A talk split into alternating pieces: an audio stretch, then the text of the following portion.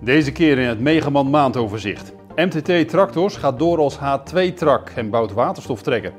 Noracore slijpmachine slijpt maaimes zonder te bukken. En opgevoerde combine rijdt sneller dan een sportauto.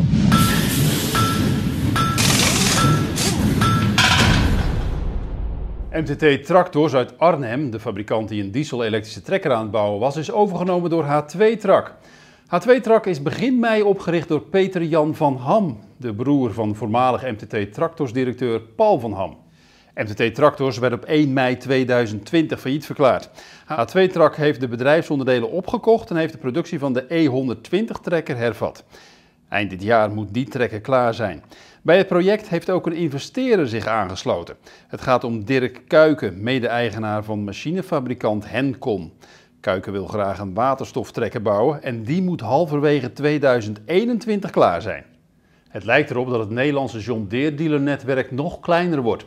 Nam Kraakman onlangs nog gaat over, nu heeft er ook alle schijn van dat het bedrijf agrimachines inlijft.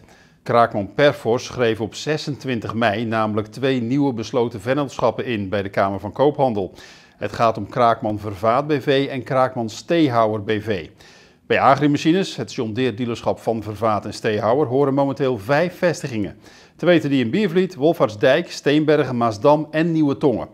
Of al die vestigingen overgaan naar Kraakman is nog onduidelijk. De betrokken partijen hebben afgesproken vooralsnog geen uitlatingen te doen.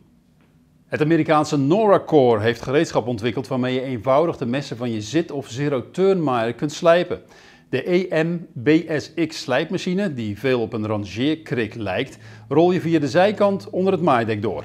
Ondertussen slijpt een slijpkop bij hoge toeren het mes. De slijpmachine sluit je aan op de compressor. De slijpkop wordt namelijk pneumatisch aangedreven. De slijphoek kun je aanpassen van 30 tot 45 graden. Via een spiegeltje heb je zicht op de slijpkop zodra je deze onder het maaidek schuift. De slijpmachine kan ook voorzien worden van een camera. Via wifi stuurt de camera de beelden dan live door naar je telefoon, die je in een houder op de stuurboom kunt monteren. Zometeen beelden van een opgevoerde Vaar M44 combine uit 1967.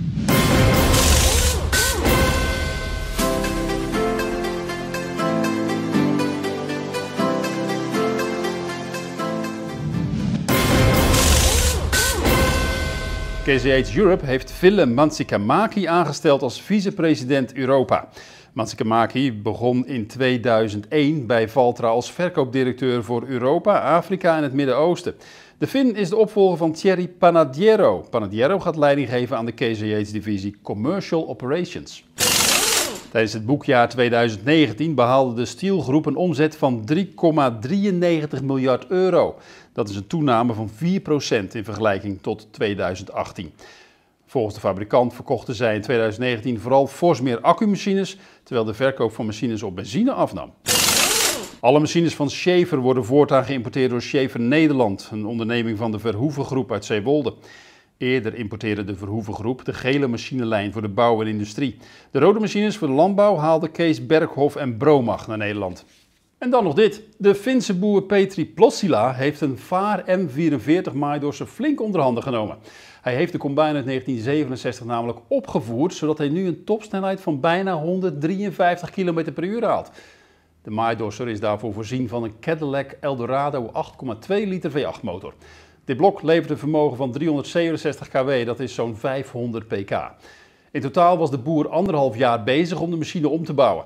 Op een video op het internet neemt de Combine het in een drag race op tegen een Ford Mustang Shelby GT350. En uiteraard wint de Combine van de Ford.